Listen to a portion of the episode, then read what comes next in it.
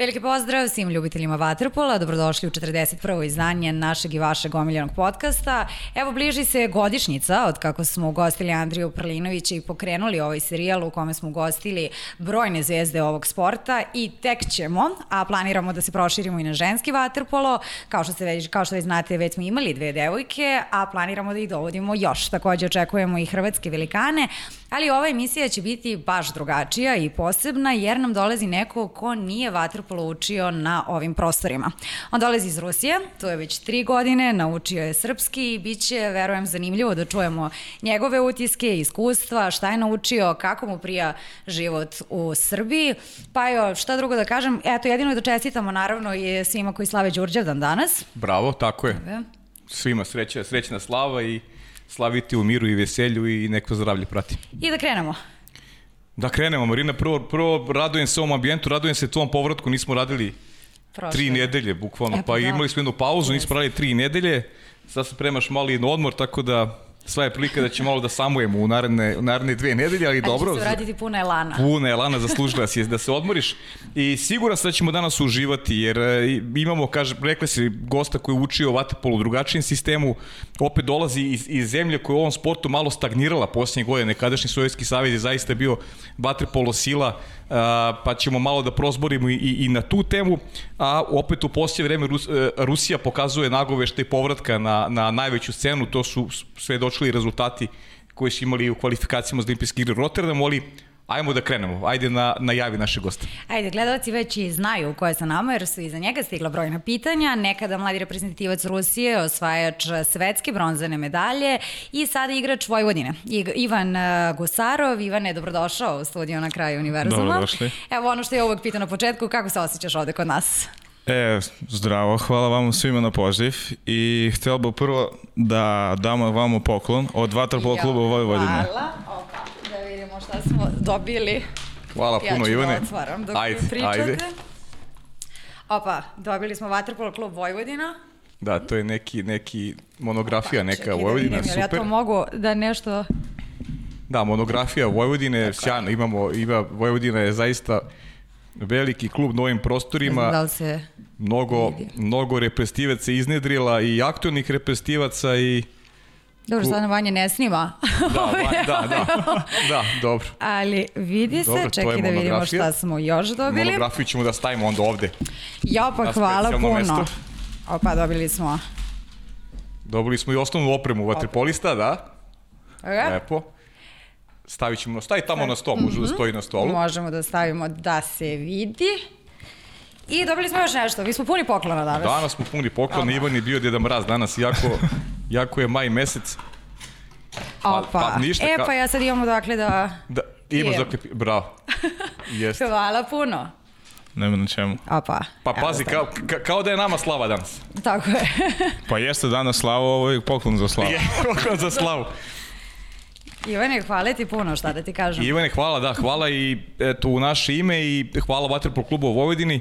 E, drago mi je što si pre povratka za Moskvu došao u naš studio. Ove sezone si igrao za, za Vojvodinu, napravi, napravljen korektan rezultat. Ta, ta peta pozicija je definitivno dobar rezultat za Vojvodinu, pa ajde za početak da nam kažeš samo kakvi su planovi za narednu godinu, pa ćemo kasnije možda malo ponovo da pričamo o Vojvodini.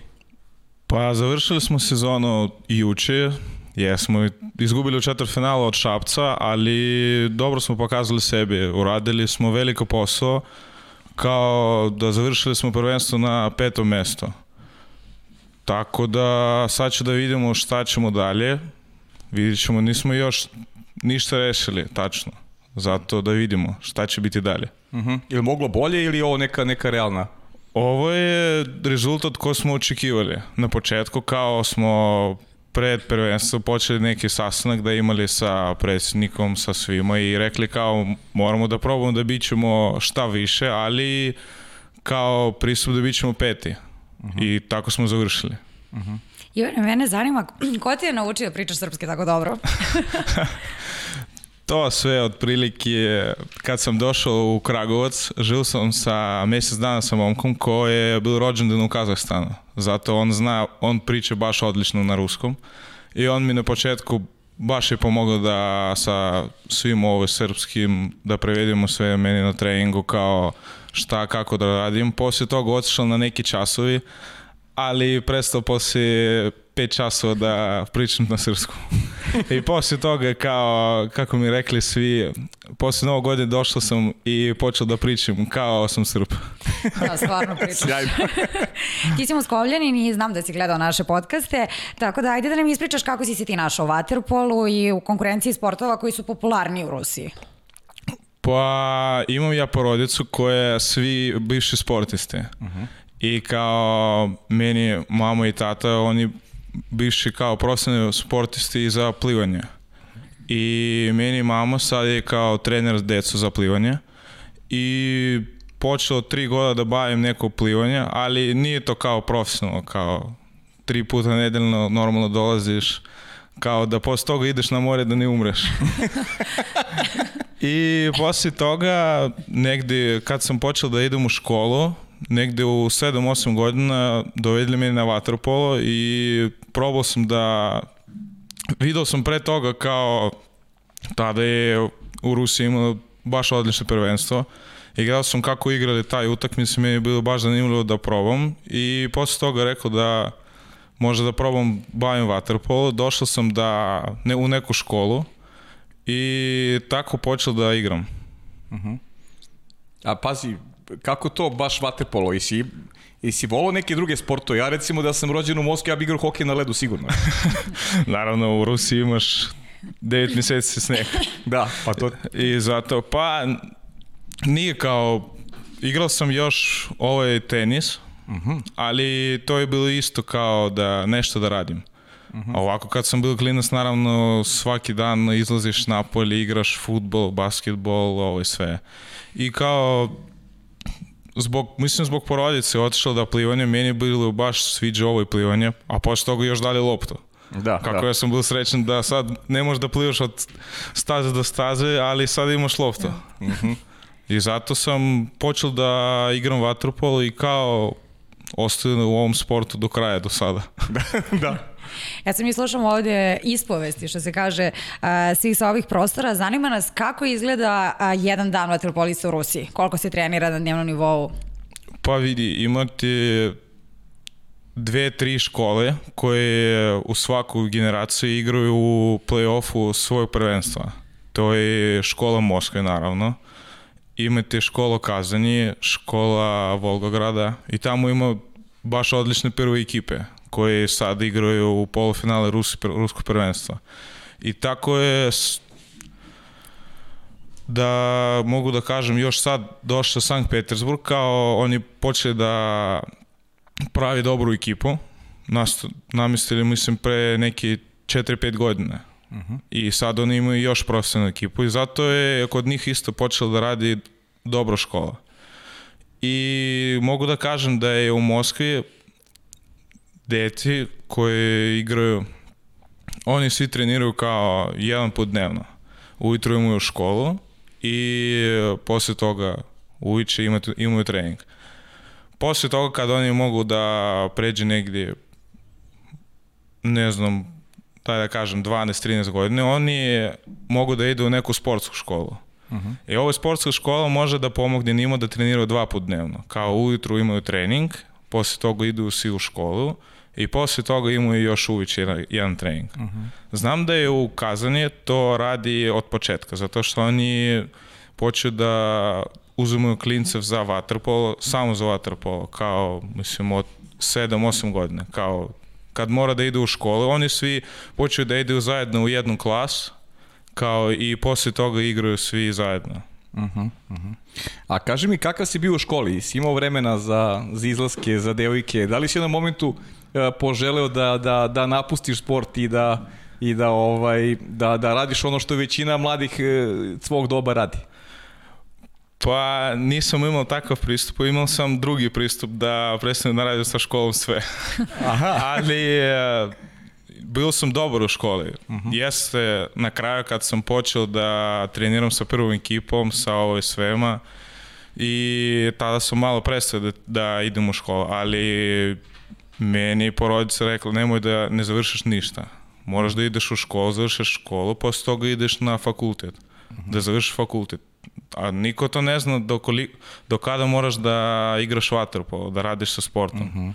Niko ne zna to. Garantuje, Da. Da, sport nije garancija, a škola, Jeste, škola je jeste. nešto što, Moraš- što ti ostaje. Kao u Rusiji kaže, moraš da završiš školu i fakultet. I to je to. I ti si Da. to uradio i to ćemo, Jesam. i, to ćemo i Još sam, za, pričati. još sam završil sa vojskom. To je u Rusiji imate pitanje za muškara do 27 godina. Kao moraš da ideš u vojsku. Ali to ti moraš da ideš posle škole, ako ne ideš na fakultet, odmah ti dolazi i ideš ti za vojsku. Jednu godinu kao. Pa jesi bio, bio si u vojsci? Jesam, bil sam u vojsku kad sam bio u prvoj ekipi Dinamo, meni hvala njima napravili neku pomoć da idem u vojsku kao i igra, da ne prestanem sa vaterpolom. mhm. Treniram, ali otišao na leto na neki tamo mesec dana i posle toga vratio se i tako dalje. U Moskvi si bio sve vreme dok si bio u vojsci, a? Da, da, da. Nisam mogu da izlazim nigde, samo kući, bazen, kući. Dobro. E, a sad, znaš me zanima, u čemu je problem sa Rusijom, zašto je već duže nema na najvećoj sceni?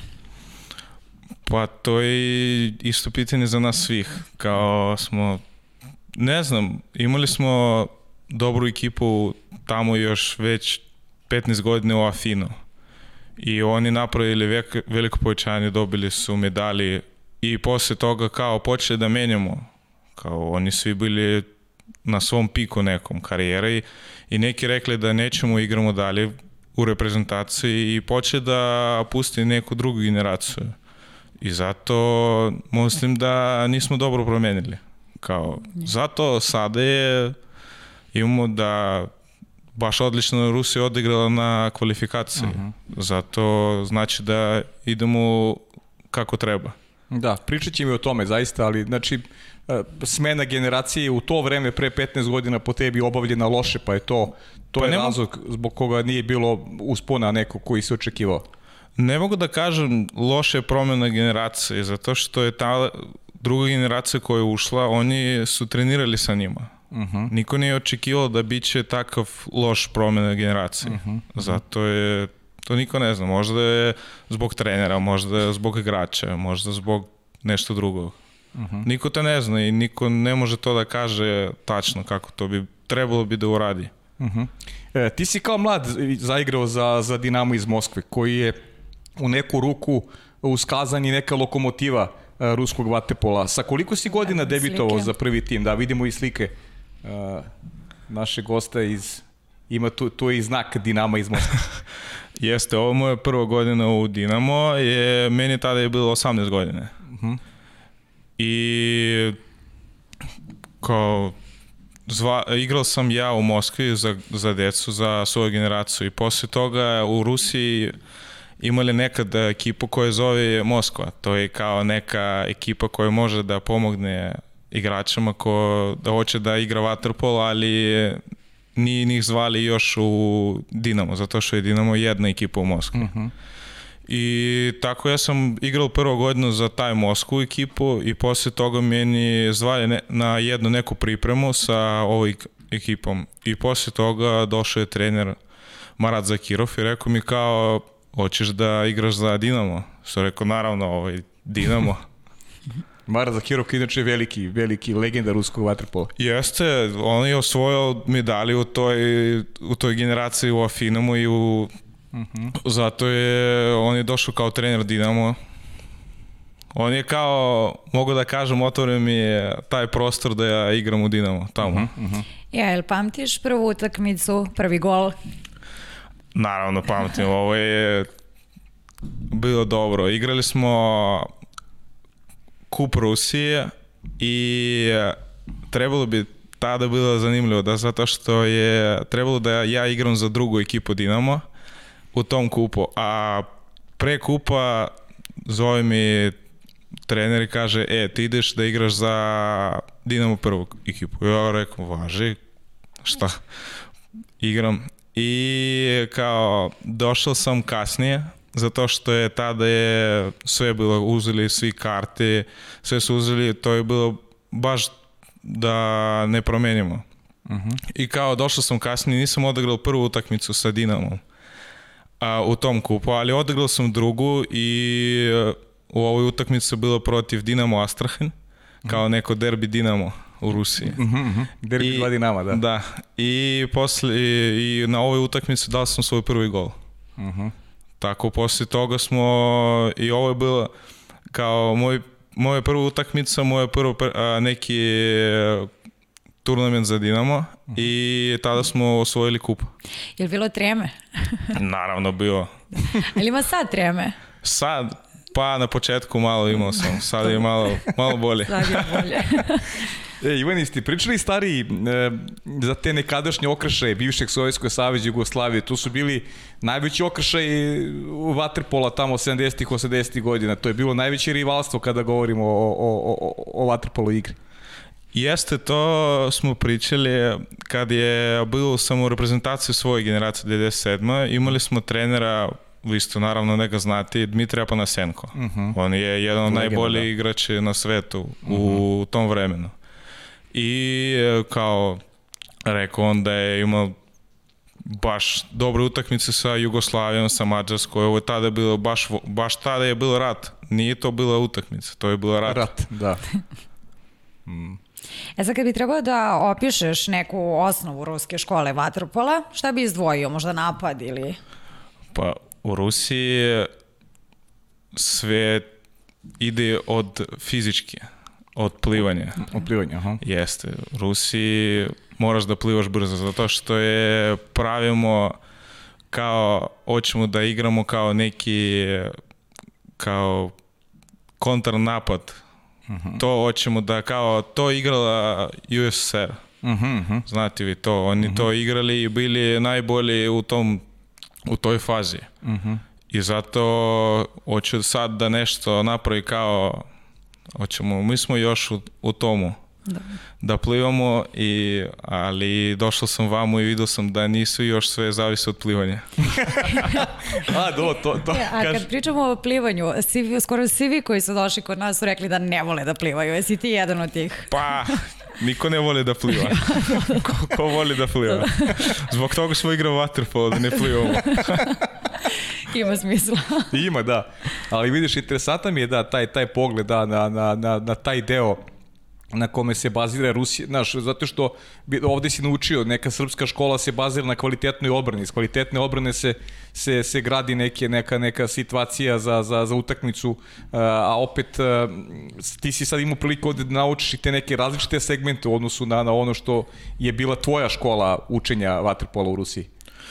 Pa jesam, do, kad sam došao sam vamo, Vidao sam neku razliku. Uh -huh. Da vamo je, nije baš toliko plivanja, ima plivanja naravno, ali vamo je više neka tehnika i više radiš sa loptom, imaš nekih više šutova, nekih vežba sa loptom, vežba za noge.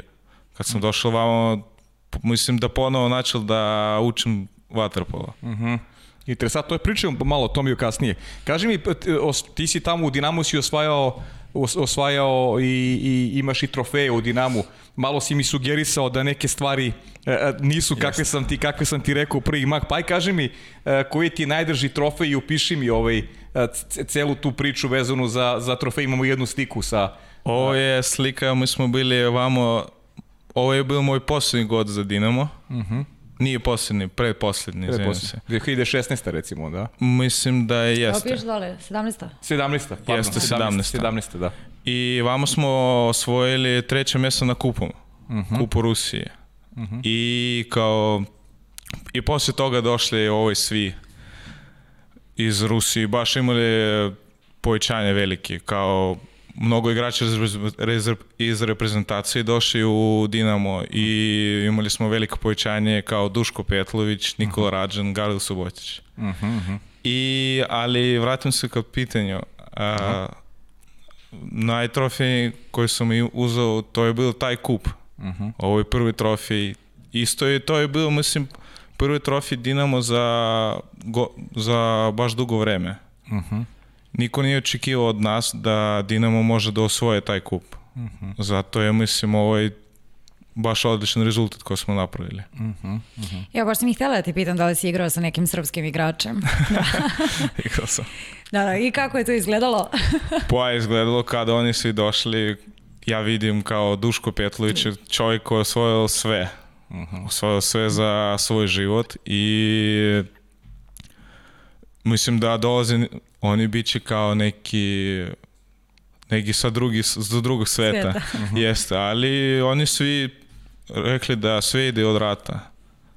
I bez rata ne može da ništa dobije. Bez rada, da. Da. Mhm. E, a bilo druženje nekih u Moskvi? Jeste, si- naravno, svi, sa svima. Tada imali dobru ekipu, da imali dobro, baš odličnu atmosferu unutra ekipa. I svi smo bili zajedno, imali neki izlazak, naravno. Kao, Da. Ne može to bez izlaka. ne može normalno. Da. Lepo, onda si se lepo uklopio kod nas. E, pričat ćemo o tome kasnije. Ovaj, Dinamo iz Moskve ima velike planove. Ja se sjećam, to nije više ni tajna da, je, da su i Andrej Pralinović i Milan Aleksić imali Matene potpisane ugovore za dolazak u Moskvu i onda se dogodila ona uh, tragedija kada je, kada je preminuo predsjednik i, i Dinama i manje više se stopirao taj projekat Dinama koji je Dinamo koji je želeo od jednog dana postane prvak Evrope. Tome je težio i, i išao je klub uzlaznom linijom i onda je sve odjednom, sve odjednom zaustavljeno. Jeste, tada je Dinamo napravila odličnu ekipu i to je ekipa, ta ekipa igrala Ligu šampiona. Oni igrali grupnu fazu Ligi šampiona i svaku godinu imali neko poverenje da i imali neki pristup da uđe u prvoj osam ekipe. Da igra Final 8. Ali zato što je došli da vidimo, mislim oni dobili svaku ekipu jedan put 100%. Kao tu, u prvu utakmicu Liga šampiona došao Jug Dubrovnik, koja je ekipa koja je osvojila ni jedan put Ligu šampiona, osvojila sve. I Dinamo u prvu utakmicu je dobilo njih. Tako da svi ste počeli da razume da je Dinamo ima šansa da igra sa svakom ekipom. E, a sada tvoja generacija je ostvarila i veliki rezultat kad ste na svetskom prvenstvu za juniore osvojili bronzanu medalju. Tako. Jesmo. Ovo je bila veća sensacija nego sve. Ja. Ajde, piši malo to, to, ko je bio, ko je bio tad konkurent, koga ste pobedili za bronzanu medalju, kakav je osjećaj bio tvoj kada si se uporedio sa vršnjacima iz celog sveta i video da, da imaš kvalitet? To smo još počeli od uh, malo ranije evropsko prvenstvo, ali ta generacija 96. godišnje počela da trenira zajedno još pre 3-4 godine do prvo evropsko prvenstva. Zato je imala, imali smo veliku konkurenciju između sebe, niko nije znao ko biće u sastavu. I kad smo došli na evropsko prvenstvo, mi smo imali smo u grupnoj fazi Srbiju, Hrvatsku i Belorusiju.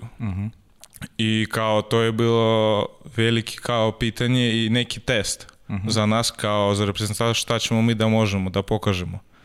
I mi smo na grupnoj fazi dobili Srbiju i posle toga razmišljali da možemo da igramo sa svakim. Tada je došao je pristup da pokažemo šta ćemo mi sada i koji smo mi. Da nismo mi takva ekipa da došli da igramo za 15. mesto kao svi razmišljali. I posle ovog evropskog prvenstva mi smo svi u glavi počeli da razmišljamo da ćemo mi dolazimo na svetsko prvenstvo da pokažemo da Rusija može da igra vaterpola. Nismo mi država koja igra samo hokej, kako da kažeš. Ali došli smo na, na ovo svetsko prvenstvo i počeli da igramo.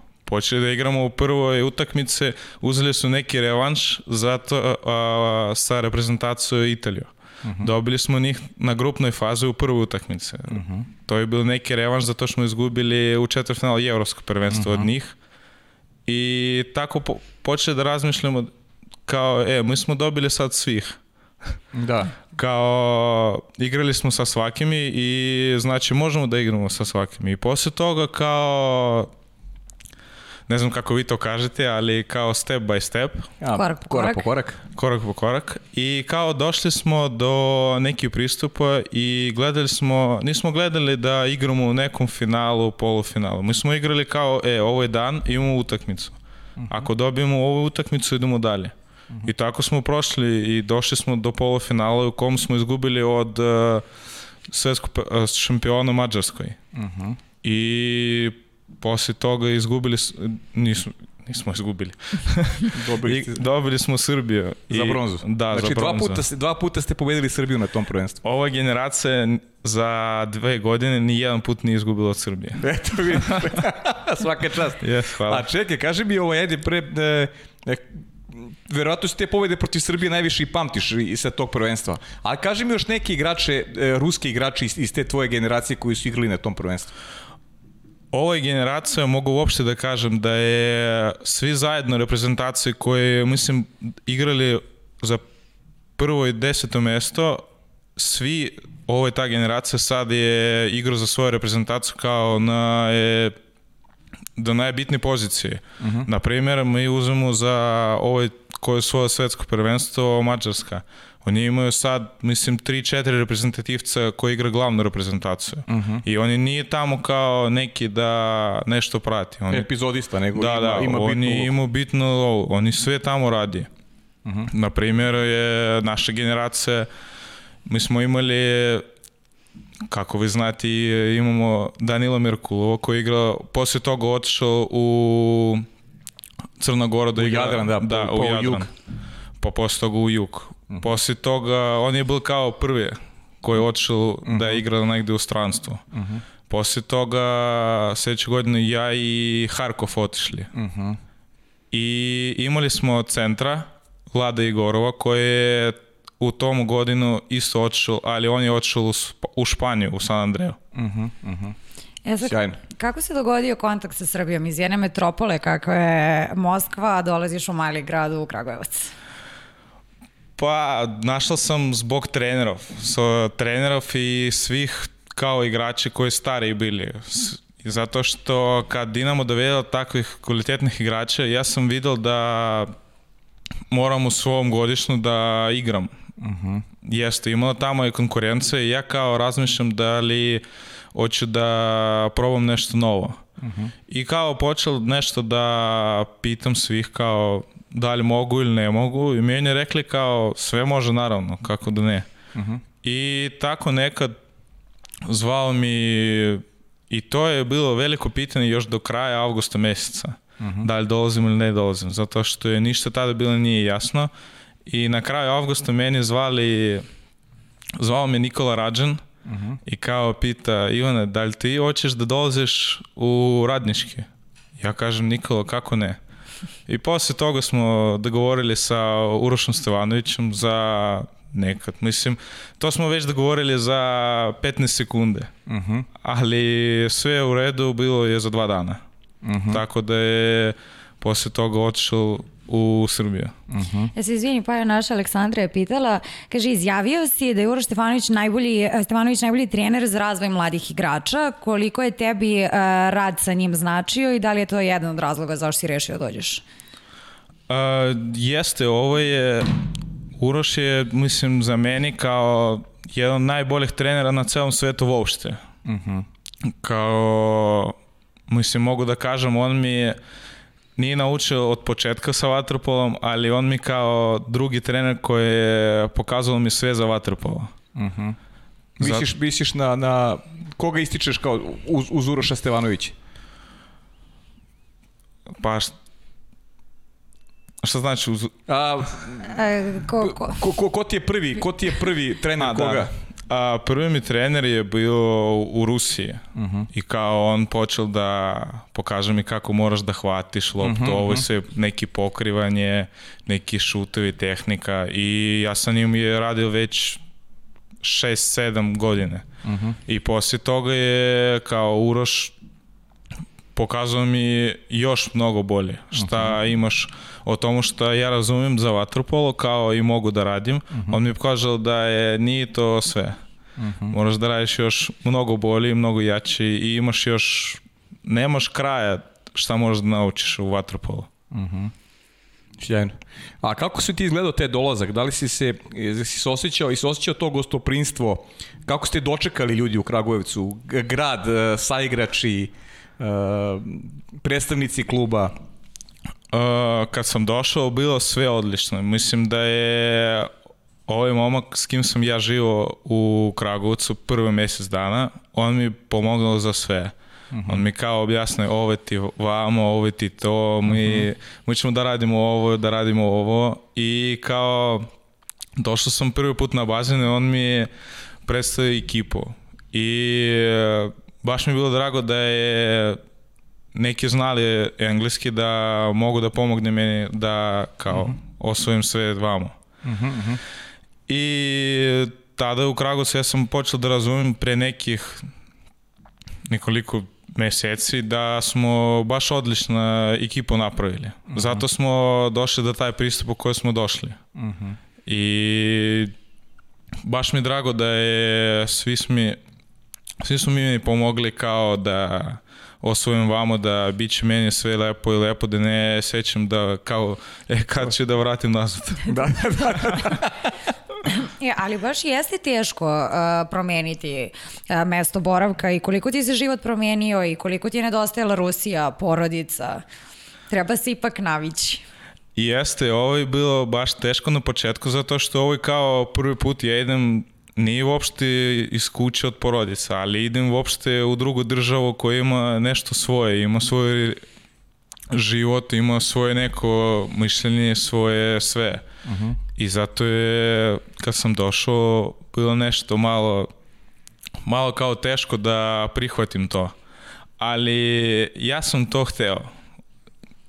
Ja sam hteo da idem da igram i zato sam došao, mislim, u Kragovac kao sve to kao išlo u jedno da je imam kao mali grad, kao imaš mali grad, imaš bazen, samo da ideš u vaterpolo, ideš mm. u vaterpolo sa glavom. Mm -hmm. I ovo je bilo baš odlično. Zbog toga sam, mislim da je ovo, to mi je pomoglo da kao nekad zaboravim šta, šta moram šta da idem, šta mi fali i šta moram da idem kući. Zato nekad nisam htio da idem kući. A kaži mi koliko su, koliko su Srbi slični e, Rusima? O tome se često priča, polemiše, a ti si onako baš pozvan da pričaš o tome jer tri godine živiš ovde. Jeste, ima slično baš mnogo, zato i mogu da kažem da je jezik naučio zato što to ti kao neki slavljanje. Uh -huh. I ima baš sličnu reč. Uh -huh. Mogu da kažem da ja počeo da razumijem šta vi pričate za neke dve nedelje, mesec dana. Uh -huh. Ali nisam mogu ništa da kažem zato što sam sedeo ovako i kao šta znači ovo, šta znači ovo i meni treba sat vremena da razumijem o čemu vi pričali pre tri sata. Aha, aha. I, I kao Jeste, imamo slično, mislim da je, mi smo svi slavljani, kao kao svi hrišćani kao. Uh -huh. I to je, mislim da ima neku istu veru uh -huh. i zbog toga je ima baš slično. Zato je kad ja sam došao meni, svaki Srb koji mi video prvo jeste. Oni su prvo prvo deo da kaže, e, si Putin, Putin. Ali e, jeste, svi kao koji mi video od nekad negde sam dolazim i meni niko niko ništa nije rekao kao osim toga da je čao brate, uh -huh. ti si kao naš brat Rus i kao uh -huh. vi ste imate takvu priču, nas je Rusov, tri, Rusov 300 miliona. Zbog toga je, jeste, Jesi Ima pitali za drugarice Ruskinje? Naravno pitali i ja baš čekam mnogo ljudi u Rusiji s kim sam igrao. Svih zovem u Rusiju da dolazi da vidi kako je u Rusiji to. Sjajno. E, a pa je, to si baš i ti hteo da pitaš, Aha. da mu se sviđaju, da li mu se sviđaju devojke u Srbiji? Da. Da, da si da. čuo da voli da izlazi. Čuo sam, da, čuo sam da voliš da izlaziš i zanima me taj deo priče. Kako ti se dopadaju devojke u Srbiji? Pa, oni baš lepo izgledaju, kao svi slavenski devojke, izgledaju baš lepo. Yes. Mogu da kažem, samo to ne znam, šta, šta mogu još da kažem? Je, a kakva je razlika, ajde da sad malo skrenem moj da? na uh, sport, kakva je razlika u vaterpolu u treninzima? Da li si brzo primetio razliku i u čemu se ono ogleda? Malo smo to ispomenuli do sada, ali... Uh, jeste, ima razliku. Vamo te imaš više neki treninga sa, kao sa tehnikom, sa ovim svem ratom za taj neka priprema za neku, na primjer, tu odbranu. I više imaš neku taktiku, neku sve neki grupne faze koje bit će zajedno posle toga kao neka odbrana, neki napad. Zato u Rusiji na početku imaš plivanje, pa posle toga tehnika i e, vežbanje neko. A vamo ja sam video da ti dolaziš i uopšte nemaš plivačkog treninga. To mi je bilo, meni je to baš prijelo na početku. I kao, jeste, ima to velika, nije, nije mogu da kažem velika razlika, zato što ni Rusi stoji u tom još 80-90 godišnje, ali jeste, vamo je bila neka razlika kad sam došao. Je li bilo naporno trenirati toliko?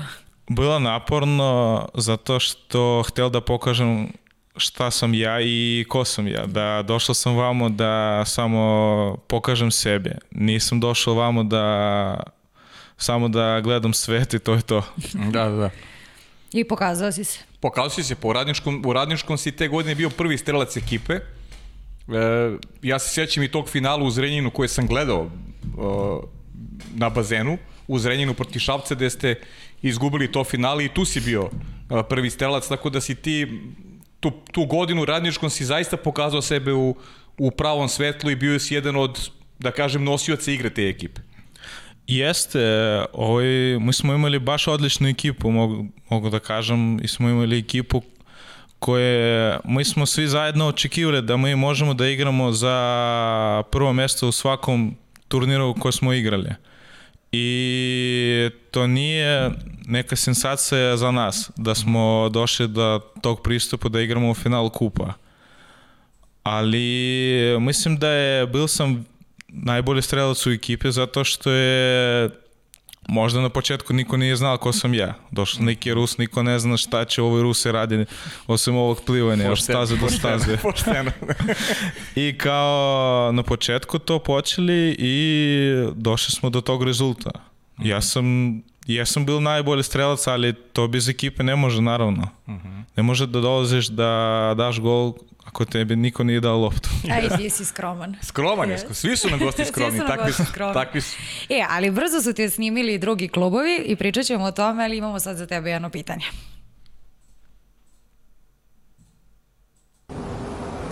Pozdrav svima u studiju i pozdrav Ivane.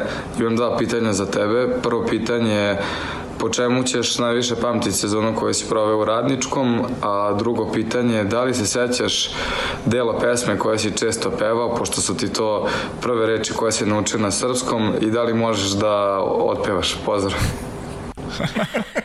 Pozdrav za Lazara. Pozdrav za Lazara do Božanova. Odlično pitanje, mog, jedno od najboljih drugara u toj ekipe. Uh -huh. I e, prvo što sećam sa Kragovcom, ovo je bilo, mislim, jedna od najpametnijih utakmica protiv četvrtfinala protiv Crvene zvezde, uh -huh. koji je tada vodio a, trener vaše generacije selekcije a, Deki Savić. Deki Savić. Jeste, i tada je, mi smo svi imali neki pristup da dobijemo zvezdu, da pokažemo da mi smo iz Kragovca, nismo mi kao neki da bržo izgubimo od svih, kao zato I tada sam, imao sam, mislim, za svoju celu karijeru, imao sam prvu utakmicu na kojoj sam došao i video sam neku takvu publiku koja voli vaterpolo. Došli su, tada sam prvi put video da došli su navijači i počeli da navija za radnički. I kad je ceo bazen, ceo grad mogu da kažem, hoće da vi dobijete zvezdu, i mi smo zbog toga pristupa dobili su tu zvezdu. I ja mislim ovo je jedna od najboljih mojih utakmice za ove tri godine koje sam ja u Srbiji. Uh mhm. -huh. Jedna od na, na, napometnih 100%. Sjajno. A pesma? A pesma? pesma. Baš sam mnogo pesma znao i naručio, naučio sam sa Lazarom, zato što on mi kao neki čovjek koji je pokazao svi pesme uh -huh. koje se vi bavite. Ali stvarno ne znam o kojoj pesmi on mi pite. Ali, Prva neka koju si naučio, se sećaš? Prvo sam naučio, još je, vi sećate da je, ja sam pravi, pratim Eurovidinje uh mhm. -huh. i to je kao, tamo ste vi imali a, pesmu koju mislim da pobedila tada, neka molitva. A, jeste. Jesam. Marija Ajde, o- o- Šerivović. otvao, otvao, ajde malo. Ajde. Pa ne mogu. Ne, ja. Dobro, ajde. Tražio je Laza da pevaš, dobro, samo znaš. Poslije mu ti objasni zašto nisi pevao. ajde. Važi. E, pomenuo si Crvenu zvezdu i baš i Crvena zvezda je i bila tvoj sledeći korak. Jeste, nisam ja očekivao to, ali jeste.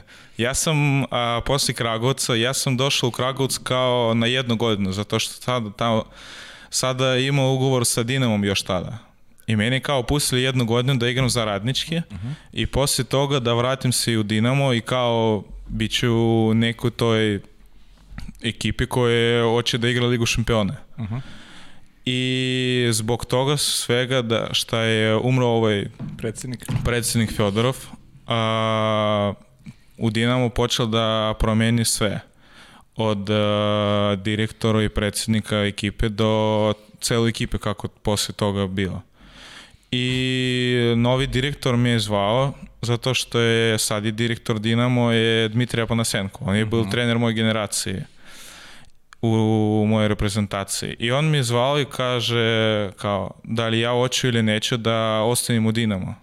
Zato što tada sam imao ugovor. I ja sam počeo da razmišljam i u toku toga je meni je udario kao, mogu da kažem, udario nešto u glavu da je hoću da ostavim negde u Evropi, da neću da vratim se u Rusiju. I zato ja sam rekao hvala Nemo na poziv i poželjeli smo svi zajedno da bit će srećni u dalje. I posle toga za neki nedelje dana zove mi Zvezda i predložili mi ugovor. Sve smo dogovorili sa njima kao isto za neki minut i po. kao ja, imam ja sa takvim direktorom svima pitanje za minut dvije. da dogovorimo sve. Stižem ili ne stižem? Jeste, jeste. Pričat ćemo kasnije o direktorima, ima tu nekih pitanja. Kako ti se dopao Beograd? Uh, radio si sa Igorom Milanovićem, legendom, legendom uh, svetskog vaterpola. Uh, uz tobom je tada bio i, i Viktor Ivanov, ako se ne sjećamo, je tako? Jeste, jeste, bio je sa mnom i Igor, Viktor Ivanov, on je e, golman ruskoj reprezentaciji koji je sad je branio u Rotterdamu. U Rotterdamu, da. Jeste. I nisam ja znao da on će biti golman u Crvene zvezde, ali kad sam potpisao ugovor, zvao mi Nikola Rađan i rekao, e, Ivane, mi smo uzeli Viktora Ivanova pre mesec dana. Ja sam rekao, evo ga, to super. Biće neki Naš Rus sa kolega mnom. Nikola Suda. Da, kolega Rađe nam je umešan u sve priče. Jeste. U sve priče. Jeste, to je Mega Nikola. car, mega car je Nikola. Jeste, on je odličan čovjek u prvom delu. Jeste, jeste. I odličan igrač. Zato mogu njemu da kažem isto hvala za... Mislim da je on preporučio mi da idem u Kragovac prvo i posle toga, mislim, nije bilo on posljednji koji je rekao svima u Zvezda da ne zove meni. I kao, ja sam rekao, zv- zvao sam odmah Viktora i rekao, Viktor, idemo zajedno u Zvezdu. I on je bil srećan zato što je biće dva Rusa u ekipe. Zato što je u Kragovcu, ja sam imao to i u Kragovcu. U Kragovcu posle nove godine je došao drugi Rus, Daniel Frolov. Frolov, jeste. I tako da, ja sam mislim da od tada imam svaku godinu Rusog sa mnom. Sjajno. Jeste. E, kad već pričamo o Viktoru Ivanovu, da vidimo. Здравствуйте всем в студии. Иван, ты играешь в Сербии три сезона в трех разных клубах, соответственно, с тремя разными тренерами. Расскажи, пожалуйста, чему самому главному ты научился у каждого из них? Опиши каждого тренера тремя словами. И такой вопрос. Э, В Сербии Иван и Ваня – это разные имена. Ты, если бы был сербом, какое бы ты хотел себе имя? Иван или Ваня? Спасибо. Sjajni Viktor Ivanov. Drugi put već učestvuje u našoj emisiji, zahvaljujući naravno kome? Nikoli Rađenu. Jeste. Viktor je, ima taj pristup da ima neki dobro pitanje. da. I ajde na početku da odgovorim na prvo pitanje za trenerov. Mislim da svaki... Da, da kažemo gledalcima ako nisu čuli, on je prvo pitao koji, sa kojim je trenerom najbolje da radi, jel tako? Jeste. To da. Jeste. S- Najbolje za meni trener, kao sam ja rekao još pre neki par minuta, Uroš Stevanović. Da ništa ne kažemo drugi je, ali za meni je Uroš je najbolji trener. Ne mogu ništa da kažem, je Igor Milanović je doktor. Doktor je Waterpola, čovjek je osvojio sve sa Partizanom. Trenirali je pro rekao koje posle, ne, posle njega ne može da osvoji Ligu šampiona. Tako je. A to je baš odličan pristup da je on je zna Waterpolo, bio je mislim od jedan od najboljih igrača Jugoslavije. Jeste. I tako i ove godine imao sam, imao sam baš odličnog trenera Darko Bilića, uh -huh. koji mi je isto pokazao neko što sam možda zaboravio ili možda nisam znao. Uh -huh. Kao neki taj moment u, koji mi on isto naučio. Ne mogu da ništa da kažem da je samo Uroš mi naučio sve, ali on mi naučio baš mnogo od toga šta sam ja naučio u Srbiji. Uh -huh, uh -huh. A drugo pitanje? Drugo pitanje je mogu da kao kažemo svakom treneru pa tri reči. Uh -huh. I kao ne znam, ovo mogu da kažem za Uroša je malo veći od tri, ali on je jedan čovjek ko voli toliko vaterpolo ko nisam vidio pre toga. Uh -huh. Igor Milanović je mogu da kažem samo jednu reč, doktor. Uh -huh. Igor doktor doktor za vaterpolo i hvala nema. A Darko Bilić mogu da kažem da je on imao taj pristup u sebi i on hoće da biće u, u svakom delu prvi. On ne voli kad smo izgubimo, ne voli ništa, voli samo pobedu. I ta, to je njegov taj pristup koji ja sam hvatio, da je ti moraš da, nema veze sa kim se igraš, nema veze ko si ti, ti moraš da daš sve od sebe, daš taj maksimum i kao on voli da kaže, e, ovo je, to je sport, to je samo sport, uh -huh. samo uđi da igraj. Uh -huh. A Ivan ili Vanja, ali tako beše? Jeste, i treće pitanje je bila Ivan i Vanja. Ja sam prvo put čuo da je vi imate razliku između Ivan i Vanja i za vas svih je bilo kao kako ti si i Vanja i Ivan. Ivan. Zato što meni zvali i Vanja i Ivan. Uh -huh. I kao neki mi još zove do sada Vanja. -huh. Zato što njima je baš zanimljivo da zove mi Vanja. A meni kao u Rusiji ima, prez, ima ime i to je ime kao Ivan, ali niko u Rusiji meni nije, nije zove I, Ivan.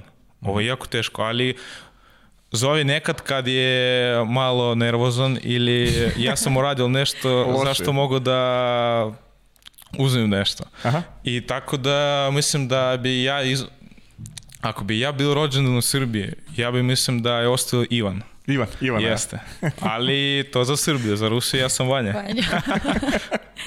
e, a gde ti je bilo bolje? Kragujevac ili Beograd? A, mislim, mogu da kažem da je bilo mi dobro i u Kragovcu i u Beogradu. Beograd je veći grad, kao imaš mnogo veći gde možeš da ideš. U Kragovcu on je mali grad, ali sve je blizu. Meni to baš prijelo posle Moskve, gde moraš da, ako hoćeš negde da ideš, moraš da ideš sat i po vremena minimum. Daj Bože da stižeš. A u Kragovcu kad, kad me zvali neki da idemo negde, ja sam bio tamo pre 5-10 minuta, zato što očekivao da biće, bo, biće mnogo duže da. neko moje putovanje. Pa Sonos ti nije bio daleko, nije? Nije, nije naravno, žil sam a, prvo delo godine baš daleko od, a, od tog Sonosa, kako ti, kako, kako ti kažeš, ali posle toga kad je došao drugi Rus, ja sam a, promenio stan i živo sam ispred Sonosa. da idem svaki dan tamo. e, a pa je pre nego što ti pređeš u Ligu šampiona, ajde. ajde da pomenemo kada već pričamo o Beogradu, kakav je noćni život u Beogradu. Jesi imao vremena da ga upoznaš? Jeste, naravno sam imao i e, znao sam pre toga da je Beograd jedan od najboljih grada u celoj Evropi, da za tu, za taj izlazak. Uh -huh. Imate baš mnogo klubovi, barovi, neki kafane, svi ko šta voli to tamo ide. Uh -huh. I kao mislim da jeste, za mene Belgrad kao mogu da kažem jedno od najboljih grada gde sam bio za taj izlazak. A drugari iz Moskve su dolazili da vide? Jeste, imali smo drugu godinu kad sam ja bio kada je igrao u Zvezde I taj byl pristup, ne znam, u Srbiji da je voliti ruske igrače. Tada je a, moj najbolji drugar s kim sam ceo život igram zajedno, došao da igra za Niš. Uh -huh. I kao meni zvali iz Niša da pitali za njega. Ja sam rekao, ovo je najbolji centar na svetu poslije Duško Petkovića za meni. Uh -huh. I kao on mi je mi rekli važi i on je došao za neku nedelju dana. Uh -huh. I zato nas je bilo kao tri stranca a, u svakoj ekipi koji moje generacije, ne, pra, ne kažem za Viktora, on je bio kao uh -huh. naš otec za uh -huh. nas svih malih. Uh -huh. I tako da smo baš puno videli, nekad smo dolazili kod Kragovca, zato što to je bila neka sredina za nas svih. Uh -huh. I nekad oni bili kod mene, zato što ja sam rekao, evo, vi morate da dolazite do Belgrada, ja pokažem da, vam sve. šta ovdje ima. da. Eto, pa sad možda pređeš na poslovno Još mi da se vratimo na neke druge, na neke druge ovaj, ovako privatne stvari. E, imao si ovaj, tokom karijere priliku da igraš Ligu šampiona i E, koliko ti to iskup, iskustvo pomoglo da sagledaš na kom si ti nivou, koliko si napredovao iz ove godine koje, koje si proveo u Srbiji? A, igrao sam Ligu šampiona, prošle godine sam počeo mm. da igram ligu, taj Ligu šampiona. Mm -hmm. Igrali smo sa Zvezdom od početka kvalifikacije i mi smo imali baš dobar pristup. Mi smo pobedili u prvu kvalifikaciju koju smo igrali u Šapcu, pobedili smo sveh i ta kvalifikacija je bila najbitna kvalifikacija da nas trojica iz Zvezde, koji su pre toga bili u Dinamo, da dobijemo taj Dinamo, da pokažemo da je svi se tada iz Rusije koji, ko su pratili taj waterpol zvali nas i ja sam dobio baš mnogo poruka od svih iz Rusije da je čestitam na pobjedu na Dinamo. To je za Rusiju bilo kao neko Wow. da, nije to wow, ali kao svi hteli da Zvezda dobije Dinamo. Mm -hmm, mm. I zato je, mogu da kažem, jeste, ta Liga šampiona je to neki drugi, drugi deo utakmice. Ovo je, tamo moraš, imaš koncentraciju nije na 100%, a na 120, 130%. Tamo igraju svi najbolji igrači na svetu. Tamo ne može da igraš ako nemaš koncentraciju, nemaš takvo iskustva. Uh mhm. -huh. I tako mogu da kažem da je, jeste. Liga šampiona to je, to je taj turnir gde svaki igrač hoće da igra, da pokaže, da da sve od sebe. E sad pa ja ti pitao koliko ti je to pomoglo da savladaš, sagledaš na kom si ti nivou, a koliko ti je pomoglo i to što si igrao Srpsku ligu koja je teška, da li si osjećao da si napredovao kao igrač? A, jesam, naravno, mislim da je ne mogu da kažem da je kao, ali za sebe ja sam napravio to kao kad sam došao u Srbiju da to će biti neka od početka sve.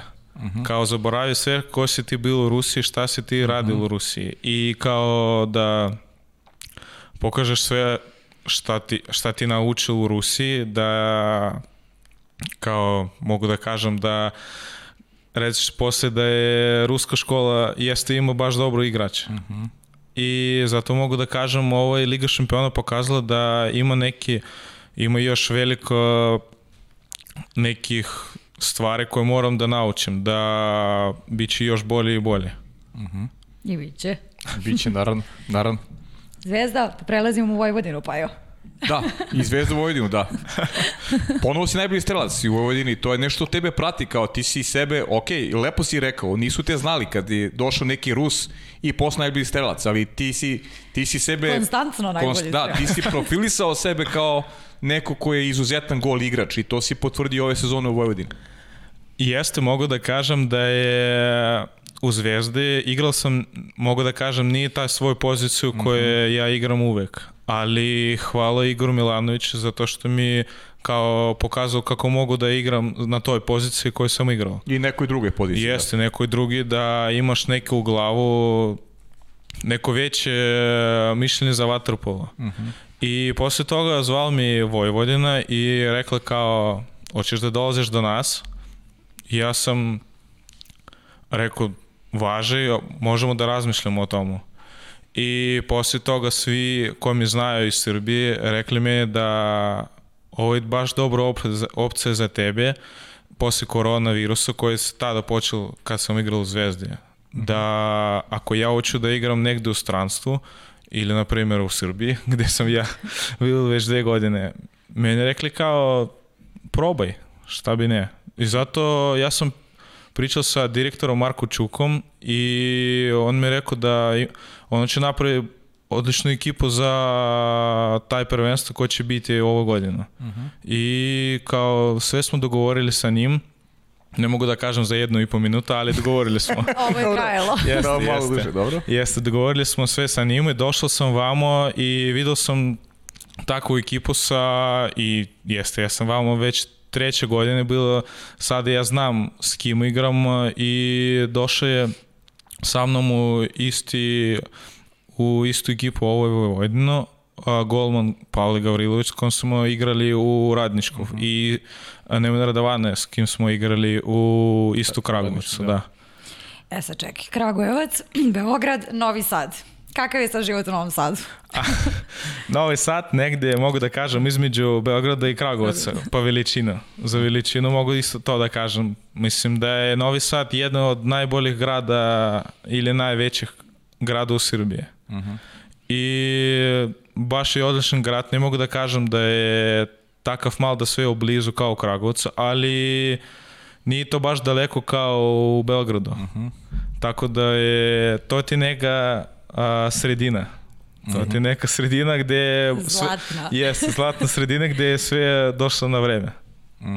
I šta će pamtiš iz tog perioda, sad kad sagledaš šta si prošao za ovih godinu dana, neko prijateljstvo koje si sklopio ili, ili ne, ne, nešto, ne, neka, neka posebna emocija koju ćete vezivati za, za, za, za, za taj period? A, mi smo imali isto baš dobru ekipu.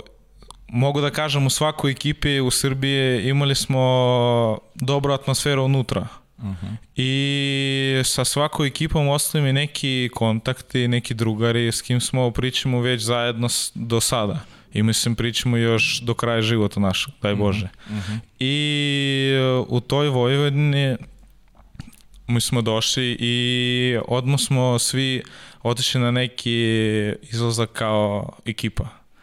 I posle toga počeli da počeli smo svi da zajedno posle svakog treninga idemo svi zajedno negde da imamo takvu ekipu i zbog toga mi smo napravili mislim da je za Vojvodinu bila na početku dobra prilika kad smo dobili Partizan na Banjice.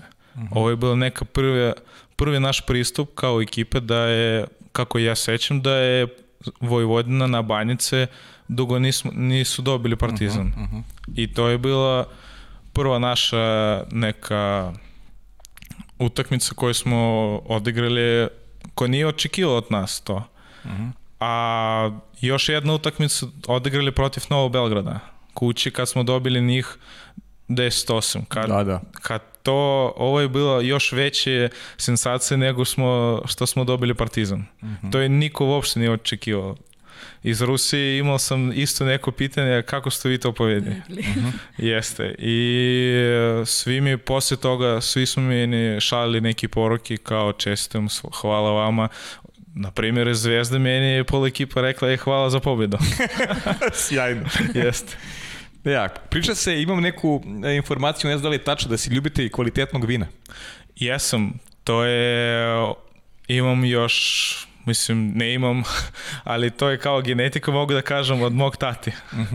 I kao, on to baš voli, on prati to sve, zna mnogo sve za taj vino. I on je kad dolazi do meni, on dolazi svaku godinu u Srbiju. I on počeo da ide na neki vinari vamo u Srbije. I kao posle toga rekao je, e, moraš da probaš sve to. Kao, jesam, probao sam taj vino još pre Srbije, ali on mi rekao kao, vi ste imati baš odlično vino, ta, koji vi pratite i pravite svoje ovoj domaće. I tako sam, bili smo sa njim zajedno na, ne mogu da kažem na svima vinari koji se vi imate, ali na baš velikih i bili smo na nekih taj malih vinari koji bili, mogu da kažem, za neki domaći, neki domaći vinari ko niko ne zna i to je još imali oni ve, baš odlično taj vino koje oni se pravio. E, ali možda i on pored vina voli još neko alkoholno piće. Da ćemo Čekaj da čujemo. Pozdrav svima u studiju. Ima jedno pitanje za vaše gosta. Da mi kaže da li je bolja rakija pečena u Šumadi ili u Vojvodini? Pozdrav svima. Pozdrav za Nikolu. Pozdrav za Nikola Tomaševića. Nikola, brate moj. A, mogu da kažem, probao sam prvi put rakiju kad sam došao u Srbiju. I e, a- Prijatno iskustvo. Jeste, to je... Ja mislim da je za meni od sada je bolje rakije nego ruska vodka. Vodka. koji svi, jeste, koji smi, koji, zato što je, mogu da kažem, rakija ima neki ukus. Aha. A zato što ima ti pravi ti šošljivi, dunji kasije, ali vodka ti vodka. to ti samo piješ i to je to. A, a ko je bolje, u Šumadi ili u Vojvodini? Nisi odgovorio Nikoli. Mislim u šumadi. to je, jeste. A čekaj, si naučio neke psovke na srpskom, to ste naučili odmah, verovatno. Naravno, naravno, to sam znao još pre tog kad dolazim. To si još u Rusiji znao. Jeste, ali bil sam kad sam, mi smo bili klinci, dolazili mi, mi na pripremi period u, još u taj Novi Sad. Aha. Zato je bil sam u tom Novom Sadu još pre, mogu da kažem, negdje 6-7 godine. Aha. I tada još sam, čuo sam neki ove vaše, niste vi imati baš toliko mnogo, ali to možda brže da zapamtiš. Jak. A, hoćemo da pustimo još jedno pitanje pre nego Ajde, što može, nastavimo. može, ajde. Dobar dan svima, pozdrav svim gledalcima podcasta. Želeo bih da postavim Vanji par pitanja. Ja bih volio Vanja da mi ispričaš neku zanimljivu anegdotu dok smo igrali zajedno u Zvezdi i da mi kažeš e, kako ti se čini u Srbiji posle, evo, ajde kažemo, trećeg kluba za koji igraš i šta ti najviše ostalo u lepom sećanju što se tiče boravka i života u Srbiji i da nam ispričaš neku anegdotu iz našeg druženja ovde u Beogradu. Svim podcastovcima pozdrav. Pozdrav i za Pozdrav za Nikolu. Nikolu. A, dobro je. Koje je bilo prvo pitanje? Zaboravio sam zato što imaš tamo negdje Prvo 5-10 pitanja. Da, prvo pitanje je za druženje vaše. Šta najviše pamtiš? Pamtim da je prvo kad je on došao u Moskvu, on je pokazao da je za njega svi bitni. Nema veze koji si ti, da li si ti stari igrač koji je igrao sa njim možda pre toga ili ti si mlađi. On je pozicionirao sebi kao čovjek ko, hoće da pomogne svim mlađim igračima da bit će još bolje i bolje. Tako mogu da kažem, nije samo za njega, ali za svih u toj ekipi u kojoj sam ja bio. Tamo je svi stari igrači htjeli da pomogne nama mladima koje, koje smo došli kao da gledamo šta je ovo, gde smo, kao da je oni baš pomogli da mi osvojimo u taj ekipi da bit ćemo kao sa svima zajedno. I zato mogu nemo isto da kažem hvala zato što je znam njega već bit će 4-5 godine. I on mi je jedan od najboljih drugari iz, iz Srbije, koji je meni pokazao sve, preporučio baš mi mnogo. I kad imam, mogu da kažem, kad imam neku problemu, mogu da zovem njega slobodno i on mi može pomogne sa svema šta imam. Mhm, sjajno. A neka anegdota? Neka anegdota, imali smo svaki dan neke anegdote. Svaki 10 minuta neke anegdote idemo. Eto, pitao te to, ako se sećaš neke anegdote i posle, eto, tri godine u Srbiji i tri kluba, kako ti se čini sve? Za taj anegdot ne mogu ništa da kažem zato što ih bilo baš mnogo i ne mogu da sećam jedan, na primjer. Ali ovo je posle tri godine mogu da kažem da je meni kao Srbija cela Srbija kao stala neki kao druga kuća. Zato što dolazim vamo svaku godinu kao kući. Kao idem sad, sad sam idem za Moskvu kao za neki odmor, za, neku, za neki vikend i dolazim vamo kući. Pričat ćemo i o fakultetima, svakako, to smo već Dobro. spomenuli. Mene više zanima, čula sam da pratiš i ženski vaterpolo i da se družiš sa devojkama iz Vojvodine u Novom Sadu. I jesam, pratim vaterpolo zato što moj očih trener a, ženskoj ekipi iz Moskve koji zove Skif. I oni sada imali veliko povećanje, oni osvojili drugo, meda, drugo mesto u Rusiji na ruskom prvenstvu. Uh -huh. I to je za svih kao neka sensacija, zato što oni u polufinalu dobili Uralučku koja je igrala Final 4 Lige šampione. Uh -huh. I tako ne mogu da kažem ništa. Ovo je samo čestitam njih za taj njihovu pobjedu. Uh -huh. I još mogu nešto da kažem da je on ima danas rođendan. Aha. Da želim njemu srećan, srećan rođendan pred svima. Srećan Eto, rođendan i sa naš. Sjajno. E, kad već pričamo o ženskom vaterpolu i devojkama iz Vojvodine, imamo još jedno pitanje za tebe. Možda, naravno. Pre svega, htela bih uh, da poželim dobar dan svima i nadam se da se svi dobro zabavljate u studiju. Poznavajući Ivana, sigurno je tako. Što se tiče pitanja, imam jedno izuzetno teško pitanje za, za, za Ivana, a to je uh, koja ti je omiljena hrana u Srbiji? Omiljena hrana? Jeste, to je baš dobro pitanje, zato što došao sam iz Rusije koji ima baš mnogo hrane takve dobri, ali vama mogu prvo da kažem da je pleskavica je, kad sam došao vama mogu da kažem, jel sam nekad 3-4 puta nedeljno samo tu pleskavicu, zato što bilo to nešto novo za meni. Posle toga, kad je prestao da jedem pleskavicu, meni pokazali neko Karadžorđevo. to je neki drugi druga deo bilo. I posle toga jel sam Karadžorđevo, ali e, jeste, mogu da kažem da vi ste imati baš dobro ta, tu pleskavicu i to sve šta, ima, šta ide od mesa. Uh mhm. -huh. Nema, mogu, ne mogu da kažem da mi nemamo toliko toga u Rusiji, ali pleskavica to je nešto što sam vidio samo u Jugoslaviji.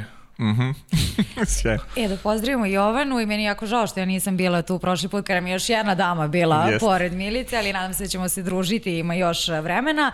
E sad ono što uh, ja volim da spomenem je da, i što smo već rekli na samom početku, je obrazovanje. Ti si diplomirao na fakultetu za sport u Moskvi, što znači da kad negde završiš sa vaterpolom imaš i opciju B, je li tako? Jeste, ovo je, završio sam sportski fakultet i mogu da bićem sad kad sam, kad sam završil, mogu da biće kao trener. Uh mhm. -huh. kao trener za waterpolo i za plivanje. Ali to je bilo, bio sam tamo u, na tom fakultetu dve godine kad sam živo u Rusiji. I posle toga sam uh, otišao u Srbiju i samo dolazio na neki ispiti i kao posljednje dve godine bilo jako teško da i e, igram vaterpolo i učim na tom fakultetu. I zato završio sam taj fakultet i još sada imam neko razmišljanje da idem još na neki fakultet da bi da bi imao još jednu opciju, ali opciju ta istu u sportu, sigurno to biće. Uh mhm. -huh. Mislim da od sada ne vidim sebi kao trener, uh mhm. -huh ali niko ne zna, možda se promeni od sutra. da, da. Jasno. E, a imam još jedno pitanje, a, pošto si još mladi, nema potreba pričamo o trenerskom poslu, znaš engleski, znaš srb, naravno ruski, srpski, koji je sledeći jezik koji hoćeš da naučiš? To je gde, gde se vidiš? Ne znam. Gde bi voleo da budeš? To sve zavisi e, gde ću da igram sledeću godinu. Pa to zato i pitam gde bi voleo. voleo, imam neko želju da igram u -huh. Mhm. zato što je meni prijela njihova hrana. Uh mhm. -huh. Ja baš volim taj pasti, pice, ove sve. Uh mhm. -huh. I zato bih htjel da nekad možda da igram u taj Italiji. Uh -huh. A i tamo su kvalitetno vino. Jeste, ima baš kvalitetno vino. Jeste. Hedonista si pravi ti, vidim ja. Jeste, tako da mogu da kažem da htio bi da naučim neki italijanski. Italijanski da, sledeći, da. aha. Lepo pitanje Marina, bravo, nisam, ovo, nisam ošte razmišljao na ovaj način. Ja, kaži mi ovaj, kako si doživeo ovaj poraz Rusije u Rotterdamu? Prepostavljam da si gledao turnir za kvalifikacije za olimpijske igre. Rusija imala sve u svojim rukama i kao što si rekao, momci iz tvoje generacije koji imaju jako bitnu ulogu u toj reprezentaciji, eto ti peterci su, su Rusiju od, odvojili od olimpijskih igara.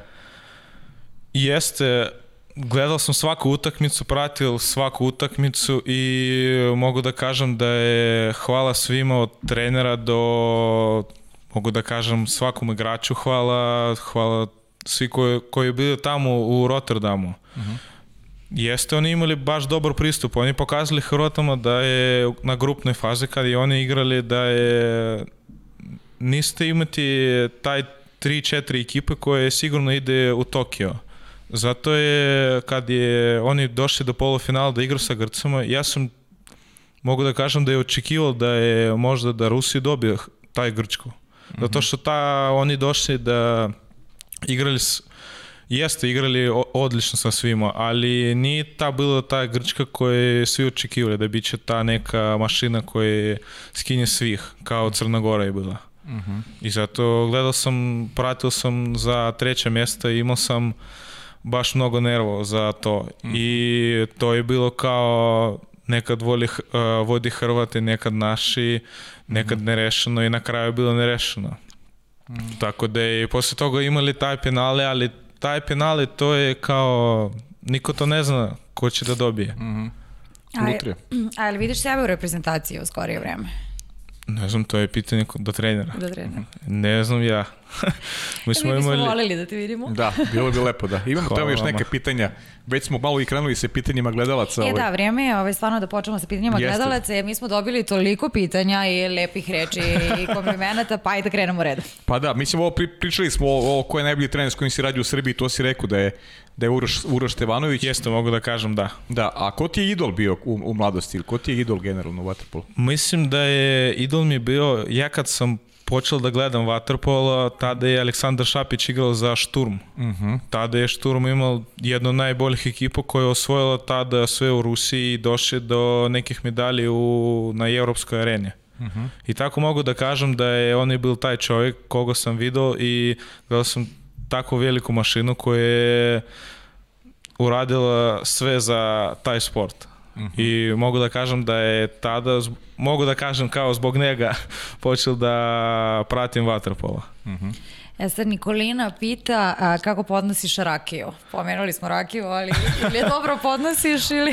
A, mogu da kažem da je na početku, kad sam došao u Srbiju, nije, me- meni je bilo teško da pijem tu rakiju. Ali posle toga u toku vremena Ne osjećaš. Jeste, jeste, ne, mo, ne mogu da kažem da ne osjećam, osjećam naravno, ali mnogo mi je bolje sad ide rakije nego ruska vodka. Vodka. A, Leno pita koji je najteži plivački trening koji si otplivao i koje ti je najbolje vreme na 100 i 200 metara? A, mogu da kažem, najbolji plivački trening nisam imao u Srbiji, imao sam u Rusiji. I to je kao neki test u reprezentaciji gde sam ja igrao 11 puta 600. I to ti kao, i to radiš u pripremnom periodu i to moraš da otplivaš da ovo je svi 11 puta 600 ti plivaš nije kao svi zajedno 600 a tamo ti je različno nekad po 25 metara nekad 50, 150, 200 metara i plivaš kao svaki put maksimum šta ti možeš da plivaš Lepo. a za rezultat na 100 i 200 metara mogu da kažem da 100 metara plivam mi smo plivali pre neki mjesec dana i rezultat je bil 57 sekunde a za 200 metara to je mislim brže ispod dve minute, ali ne mogu da sećam tačan rezultat, zato je što je bilo, to je baš dugo daleko. Da li si imao ponude, Leno, isto da pređeš u Partizan, Šabac ili Novi Beograd i da li bi prešao? A, sad kad sam odigrao u, mogu da kažem, negde 50% ekipe u Srbiji, Sad ti ostaje Šabac. ostale mi samo još dve, tri ekipe u koje nisam igrao, ali sad vidimo da je Novi Beograd pravi odličnu ekipu koju, koju hoće da osvoji nije prvenstvo, hoće da osvoji Ligu šampiona. Zato naravno hteo bi da igram sa najboljim igračima. A, nadovezuje se pitanje Leonti 9, mišljenje o ekipi Šapca. Mislim je o ekipi Šapca. Baš je dobra ekipa koja vodi brat mog drugara Jugoslava Vasovića. Čovjeka koji je za mene najbolje voli vaterpolo nego sve. Misliš na, na, na, Jugoslava? Jeste, jeste na Jugoslava. Bilo je pitanje šta misliš o Jugoslavu, ima jedno pitanje. A, pa prvo mogu da rečem za Ante. I on je pravi dobru ekipu. Znam da je pre neki godine igral neki Rus za Rus centar za Šabac. Možda vi sećate, on je Andrej Balakirev. On je došao i igrao za taj Šabac, kad je Šabac počeo da ide a, iz, mislim, ili prve ili druge lige, ne mogu uh -huh. to da sećam. I kao jeste Šabac dobra ekipa koja ima velike ambicije ispred sebe, da oni, kad sam ja došao u Srbiju, imali su oni kao najbolju ekipu. Uh -huh. I oni osvojili tada duplu krunu. Uh -huh. Tako je da jeste Šabac je jedna, taj, jedna od takvih ekipa na kojoj imaš neku drugu pripremu uh -huh. kao u glavi, da ti igraš sa takva ekipa koja do sada ima još a, šampion Srbije. Uh -huh. Damjanović 10 pita, da li je istina da se Jovanom u kasne večernje sate pričaš samo o vaterpolu? Nismo. Nismo, pričamo o svemu, i za vaterpolo i za ceo život uopšte. Ja, još jedno pitanje od njega, a sad ne znam da li se konkretno odnosi na nekoga, najdraža komšinica u zgradi? Komšenica moja Jovana. Živo na jednu spratu. E, pa da, pretpostavila sam da je to to. Ja, pazi ovo, 037 MB. Palačinka, Nutella, plazma ili Nutella, plazma i mleko? Naša to, interna šala iz kluba. Jeste, to je naša šala iz kluba zato što je uvijek kad idemo negde da jedemo svi, uh -huh. a, svi imamo neki izbor između palačinka u plazmu ili plazmu u mlijeku, kako mi to zovem. mlijeku, da. Jeste, to je kao, imaš veliki akcent na je. Aha, aha. Ali za sebe mogu da kažem, probao sam i jednu i drugu i mnogo još drugih. Mogu da kažem Nutella plazma. Nutella plazma, a? Jeste. Ja, ovo? Ovo je moj najbolji drugar. E, sad ne, ne mogu da, šta znači. Ne mogu ne da kažem. Da kaže, ne dobro. da kažem, da. dobro. Ali hvala nema za pitanje. najbolji tvoj drugar. Jest. Eto, pozdrav za Iliju. Ne smemo da pročitamo, to ja ne razumem. Dobro. Hvala Ilija. Nisi mi odgovorio iz Jugoslava, pitanje? Jugoslav je jedan od najboljih ljudi ko sam video u životu. Koje čovjek toliko voli vaterpolo, ono može da prodaje sve za taj vaterpolo, da uradi sve za klub, za ekipu, za tebe, za svakog igrača koje on zna. Uh mhm. -huh. I mi smo još ostali dobro prijatelji posle toga kad sam ja otišao uh mhm. -huh. iz Kragovaca. Tako da je, mogu da pozdravim Jugoslava. Dobro, super. Uh, ko će osvojiti zlatnu medalju u Tokiju?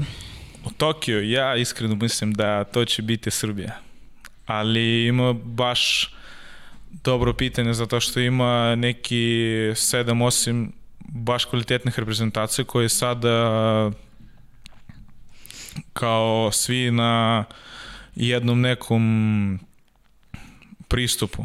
Tako -hmm. da je, mislim, ja kažem za Srbiju zato što igram vamo već tri godine i mogu da kažem da Srbija ima to neki karakter, to je ima neki u glavi, da je oni kad treba dolaze na neki turnir i uradi sve da bi osvojio ta zlato koje imaju. Uh mhm. -huh. E, ima interesantno pitanje koje se ne dovezuje. E, tvoj vršnjak e, Harkov, on će igrati u buduće za Hrvatsku, to je nešto što već postoji kao procedura. E, da li bi ti igrao za Srbiju da dobiješ ponudu ili ne? uh, ako bi dobio ponudu, jesam, kako bi ne imati jednu od najboljih reprezentacije na svetu koje svako turnir bori za zlatnu medalju. Uh mhm. -huh. Tako da bi, ako bi dobil neku ponudu, naravno bih hteo. Uh mhm, -huh. Dobro, lepo. E, šta ti najviše fali iz Rusije, šta ti uopšte ne fali? Pa ne fali mi sneg. Znala sam da je mogu, da, mogu da kažem da ne fali mi sneg prvo, zato što je sad je mogu da kažem sad je maj, a u Moskvi meni rekli da je bil nekad sneg u aprilu kraju. Mm -hmm. Tako da ne fali mi sneg. A mm -hmm. kaži, kaži. šta mi fali, mogu da kažem da je ne znam, ta je porodica. Mhm. Porodica koju vidim sada je samo kad dolazim, vratim se u Moskvu. Mhm. -huh. I takvih mojih drugari isto sve. Mhm. -huh. E, Leno pita sa kojim srpskim igračem se najviše družiš? Najviše družim, pa u svaku ekipu ima, e, imao sam baš mnogo prijatelji i drugari, ali kako mogu da kažem da je, mislim, Nikola Rađan najbolji prijatelj koga sam upoznao. Uh mhm. -huh. Ali tako mogu da kažem za svih s kim sam igrao. Da bi posle toga nisam imao pitanja šta nisi rekao za meni i za mene. Da, da, Tako da. za meni svi, ali oni kao moj neki takav neki prijatelj koji mi pomogao baš mnogo za sve. A po čemu se najviše razlikuju žene u Rusiji i u Srbiji?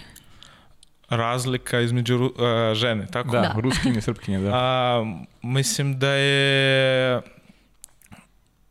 vamo je više kao otvoreni devojke, kao hoće da ide na neki kontakt, da priča s tobom i ne znam, ima razliku da je više raditi vamo make-up nego u Rusiji. A da. Jeste to, A, da. to, to mogu da kažem. Aha. A si se, i si se zaljubio ovde? Pa imao sam neki pristup, ali raskinuli smo. A, tako? Jeste, sad smo drugari i to je to. Sjajno, dobro. Dobro, pa polako bit će. Polako, ako ostane ovde, da, to je sad ono što ne znamo još. Mm, Kako izgleda jedan tvoj slobodan dan u Rusiji? Slobodan dan u Rusiji, prvo da spavam do kad mogu, zato što volim da spavam. I poslije toga ne znam, ako ništa nemam uopšte preko dana, ne, da ne idem negde, da ne vidim sa nikim, sedim kući, igram igrice kao svi, kao mi svi igramo igrice. I ako da imam nešto, idem sa drugarima na neki izlazak na kafu, tu da idemo negde sedemo, da provedemo lepo vreme zajedno. I imam super pitanje od Aleksandre, Ajde. eto i njoj da čestitam po slavu, Tako jer je, ona je srećna dama danas Aleksandra, na, bravo. sred slave je slala Srećna pitanja. slava. Je, srećan slava, Aleksandar. E, kaže šta bi nam preporučio da obavezno vidimo prilikom posete Moskvi, a da nije nešto poznato, već neko skriveno mesto. Skriveno mesto. Znači, nećete da kažem za ovaj Red Square kako. Da. A, mm, u Moskvi je baš dobar i veliki grad koji sad je jedan od najboljih grada na svetu, mislim, za Moskvu. I kao da kažem, šta bi preporučio? Preporučio bi da vidi sve u centru i samo izlaziš u neku stanicu metro, izladiš i poslije toga ideš peške. Peške i nađeš 100% nešto šta bi tebi bilo zanimljivo. Zato što za svaku čovjeka zanimljivo nešto. Neki voli izlazak, neki voli neki kafić, E, ajde, neki izlazak, gde da izađemo. da, za izađemo, ima neku ulicu u Moskvi gdje su ti taj klubovi i barovi kao na jednoj taj ulici. I tamo svaki. So, ja, ko gde ti najviše voliš? Ajde te malo ispitujemo. Klub u Moskvi. Da. Tamo mi imam drugara ko tamo kao security.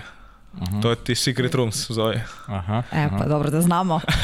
Ko ode u Moskvu? Jeste, to je ovo je baš odlično mesto za izlazak zato što je tamo svaki vikend ima neki baš dobre žurke na koje dolazi neki baš kao popularni pevači iz, iz Moskve, iz cele Rusije i možda nekad dolazi iz, cel, iz uh, Evrope. Tako da je tamo uvijek velika gužva, nemoj da uđeš, imaš ispred sebe 100 ljudi koji hoće isto da uđe. Ali pošto ti znaš security. Znam, da. Ako hoćete, da zovite. Ovo, naravno da te zovemo. E, šta je po tebi idealan odmor? Meni za odmor ide spavanje. Spavanje. Spavanje, ležem na krevetu i spavam. A gde bi otišao? No. Gde bi otišao? Otišao bi, ne znam, u neku kafić da sedim, da jedem neku dobru klopu i tako da, ako to je odmor, mogu da kažem da pijem vino. Smisla više neko more. Destinacija ne A, more, more, izvini, nisam tačno razumio. A, za more mogu da kažem, bil sam baš mnogih uh, državi gde ima i more i ocean. I kao da mogu da kažem, za mene je bilo najbolje mesto Dominikana. Kao tamo imaš sa jedne strane kao more i sa druge strane ocean. Kao možeš da imaš izbor. Hoćeš, Sve. Jeste, danas ideš na more, sutra ideš tamo. A kaži mi, gde se teže trenira, u Rusiji ili, ili u Srbiji? Mislim da je svaki trening je teže, ali u Rusiji teže plivanje mogu da kažem, a u Srbiji mnogo teže sve ostane šta tehnika, nogi, taj ti vežbe. Ajde, pa i čako, imaš još Imam, nešto? Sandi Martil te pozdravio, to je bivši reprezentativac Slovenije, on stalno učestvuje u ovoj emisiji. Ima neka pitanja koje smo već, već prošli. Uh, kaže, ko, uh, najteži igrač za čuvanje u tvojoj karijeri? Najteži igrač za čuvanje. Uh -huh. Uh, mislim da je prošle godine igrao sam protiv jednih od najboljih ekipa s kim sam igrao uh -huh. i mogu da kažem je uh, na primjer u Dubrovniku meni je bilo teško da igram protiv Garciji i protiv Fatovića. Uh -huh. A tako da kad smo igrali protiv mladosti mogu da kažem je protiv Harkova baš je teško igrao. Uh -huh. Jeste, ja znam nego koli, već toliko godina, ali on je jedan od najtežih protiv koga sam igrao. Da. A, s kim bi voleo da igraš u budućnosti? U budućnosti mogu da uzmem iz svakoj ekipe po 3-4 igrača i bit će baš odlična ekipa i za rezultat i za atmosferu. Da. A pazi ovo, pričali smo o treneru, o kod vaterpoliste si najviše naučio? A, mislim da je meni pokazali da je, a, imao sam baš mnogo snimkov sa Andrijem Parlinovićem. Uh -huh. I kao ima nešto slično između nas, ali tako mogu da kažem i nešto naučio sam od uh, Miloš Čuka, uh -huh. od Stefan Mitrovića, od Deniše Varge. Izvini, od Stefana možda naučiš nešto i o vinu, da znaš. Ozbiljno. I on je, ve, i, i, on je, i on je veliki ljubitelj vina, da znaš. Dobro. Dobro, znači tomu ćemo da vratimo posle. Kontaktira ga da, kontaktira, obavezno, da, da, da. obavezno, da. E, pitanje od Jelena Stojanović, isto ima neka pitanja koje smo već prošli. E, pita sa koliko godina si naučio da plivaš i da li je to bilo u moru ili bazenu? A, naučio sam da plivam u bazenu, zato što meni je mama trener za plivanje. Uh -huh, da. Zato mislim da naučio sam da plivam negde u tri godine. Uh -huh. U tri godina znao sam kako da izdržam na vodi da ne umrem. da se održava, da, da, ne, da, da ne umrem. A klub za koji bi volao da igraš u budućnosti ili imaš neki klub za koji bi volao da igraš? Mm, ne znam, ne znam tačno za koji da. klub, zato što je... Tako Italija može neki proreko. Pa možda i proreko, možda i sve. Da. Marina, Ali... ba, Marina na, na ovaj najslabiji udara. Najslabije, da. da. pa ne znam, to, to je pitanje mogu Htio bi da igram za najbolje ekipe koje ima, ali vidit ćemo, to je biće neka dobra ekipa 100%, sa nekim ambicije, sa dobrom trenerom. Ima pitanje da li se čuješ sa francuzom Dinom? Da. Ja sam, čuli smo pre neke nedelju dana i ja sam pozdravio njega da oni ušli u taj playoff koji oni počeli igra juče. I samo želim njemu sreću i da on bi prošao taj bez nekih povrede taj e, svoj budućnost u karijeri, zato što je pre toga imao neku povredu tešku, zato je sad i on vratio se nazad i njegova ekipa sad je mnogo bolje sa njim nego bez njega. A, za koga navijaš? Navijam za, u Rusiji za CSKA. CSKA. Za CSKA. Jeste. Znači, znači da si rodio u Srbiji, treba bi da navijaš za Partizan, znači. Pa naravno, tako. Ali igrao sam za Zvezdu. igrao si, igrao si za... Da. Marina, Marina je ovaj... Ja sam Zvezdaš. Zvezdaš. A, a pazi ovo pitanje. Alek šta pita? Da li je Marina najbolja i najlepša sportska novinarka u Srbiji? Dobro, ne moramo sad. a? Mislim da je naravno. A, hvala, a? hvala. Jeste. Jeste, a? Jeste. Hvala, okay. hvala. Imamo, mi smo manje više prešli sva pitanja. Ono što je meni zanimljivo pitanje, gde sebe vidiš za pet godina? Za pet godina? Kako, gde? Ju, to je baš, baš daleko. Da, ne pa znam da. gde ću biti sutra, za, sutra tako je. Ali mislim da bih hteo da igra u Italiji. Nekom tamo klubovi, ne znam komu, ali hteo bi da igram u Italiji ili ako to nije Italija, negdje na moru. Barceloneta. Može, naravno, da je Barceloneta, to ti isto more. Da. E, a imaš još, gde će da živiš kad završiš karijeru? Da li je opcija život u Srbiji? Nisam ja još razmišljao, ali mislim da naravno hteo bi da živim negde u blizu more, zato što Aha. je, volim toplo vreme, uh mhm. -huh. ne volim sneg 10 meseci. Uh -huh. znači, znači Soči nije loš? Soči jeste, nije loš, ali tamo ti kad ima zima nije tako toplo. A da, jeste. jeste da. zato, da, planine su blizu. Jeste, zato i bih htio da živim negde na moru, kao mogu da kažem, na primjer, gledao sam pre neko vreme počeo da gledam nešto u Portugaliji.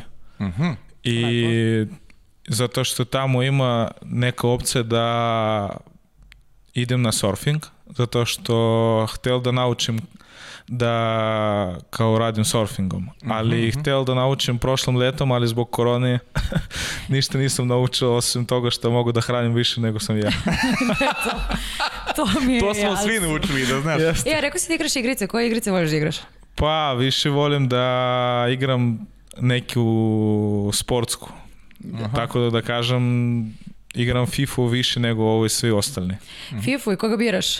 Koji? Bira, ja volim da uzem neke male ekipe koje ništa nije osvojili i dovedem ih do svega. Do svega. Aha. Jeste. Lepo. Sjaj. Sjaj. Ništa, manje više smo prošli sva pitanja. Ono što je uvek ostavim za kraj e, je porodica, jer bez porodice, mislim, to je najvažnija definitivno stavka. A, pomenuo si da su svi sportisti. Ajde Jeste. da ih predstavimo. Jeste, svi su oni sportisti kao oni svi radili sa plivanjem. Očeh moj je kao vaterpolist, nego sam ja upoznao kad mi je bilo šest godine. I mogu da kažem je majka mi sa tatom naučila da plivam. A očeh mi dao loptu i pokazao šta je, šta, ta- šta je lopta. I porodica mi Otac mi bio plivač koji je osvojio na juniorskom nekog neki medalje u Evropi. Imao, on mi je rekao juče zato što sam pitao njega šta je on osvojio. Sjajno. Jeste, znam, znam da je on osvojio baš mnogo medalje, ali on mi je rekao da imali neko, neki turnament za neki taj državi gde je isto bila Jugoslavija. I tako neki, neki taj strane koji e, družili sa SSR-om. I to. A za očehu mogu da kažem da je on je igrao sa Šapićem u šturmu i on je osvojio isto sve medalje sa tim šturmom što je oni igrali. Pa ništa, znači sad moramo i od tebe da dobijemo medalje. da se ređaju. Ima, sad sam imam samo sredno, uh, drugo mjesto na Kupku Srbije. Polako, sad očekujemo. To, je, Da. to je porodično. Mora, mora to nasleđe da se nastavi. Da se nastavi. Hvala vama. E, hvala ti puno za ceo ovaj intervju. Mi smo uživali jer stvarno je prelepo čuti iz ugla nekoga ko nije odavde. Uh, e sad mene zanima kako si se ti proveo. Ili ima nešto što Da bih hteo nisam- da kažeš, a, a, a mi te nismo pitali? Pa mislim da ste vi pitali meni sve. Prvo mogu da kažem hvala vam puno za poziv zato što je to je baš bilo teško da bići kao prvi stranac na vašem podcastu. Jeste. I imao sam neku nervozu pre toga kad kad sam došao i mogu iskreno da kažem da nisam verao da zovete me. Nisam verao od četvrtka do ponedeljka kad su mu govorili za sve. Zato je, hvala vam puno za poziv. Meni je bilo baš zanimljivo i baš smo dobro provedili vreme. Pa mi se nadamo da ćemo se družiti još. Bilo da igraš u Srbiji ili negde drugo, seti nas se. Da. Pa naravno. Znaš kako, želimo ti da, da bude kako ti želiš, da, da, da nađeš sebi dobar klub u kome ćeš biti srećen i u kome ćeš pokazati ono što si naučio i u Rusiji i ono što si naučio ovde u Srbiji za tri godine, pa kakav god tvoj izbor da bude, samo da ti budeš zadovoljan. Eto, to je poenta. Hvala vam puno i isto želim vam sve srećno. Prvo, sad imamo ta vreme za zdravlje. Najbitno je da svi, svi ćemo biti zdravi. Slažem se. Hvala Ivane. Hvala ti Ivani za poklone. Evo ja Tako sam je, i Vatrpolo klubu je Vojvodina, hvala takođe na, na poklonima. Pa je da ja ne najavljujem dalje. Pa znaš kako, ja, ja, ja, ću, ja ću reći sada, reći ću sada da postoji dogovor da sledeći gost bude Denis Šefik. Znači, to je dogovor, ja ću reći, neka ovo bude sad, ako, ako sluša, da zna da ga, da ga obavezujem još više da se, da se, se pojavi. pojavi sledeći nedelje, tako da, eto, sa njim je dogovor da bude sledeći nedelje. Najverovatnije ću u toj stolici sediti sam, a imamo i dalje neke ovaj neke dogovore, neću sad, sada to da otkrivam, bliži se i, i ovaj završni tur Lige šampiona u Beogradu, tada ćemo biti ti ja dosta aktivni kada je, kada je Waterpolo u pitanju, pa se nadam da ćemo nekog gosta opet zanimljivog ovaj, uspeti da dovedemo ovde i da, i da ga predstavimo javnosti. Eto, to je to. Eto, da čekamo Denisa Šefika, a mi se nadamo da ste uživali, jer zaista nije svakodnevnica da dođe a, gost iz Rusije i da nam priča o svojim iskustvima i o svemu što je naučio i životu u Beogradu, tako da mi smo svakako uživali, sigurni smo da ćete i vi, a vidimo se sledećeg četvrtka.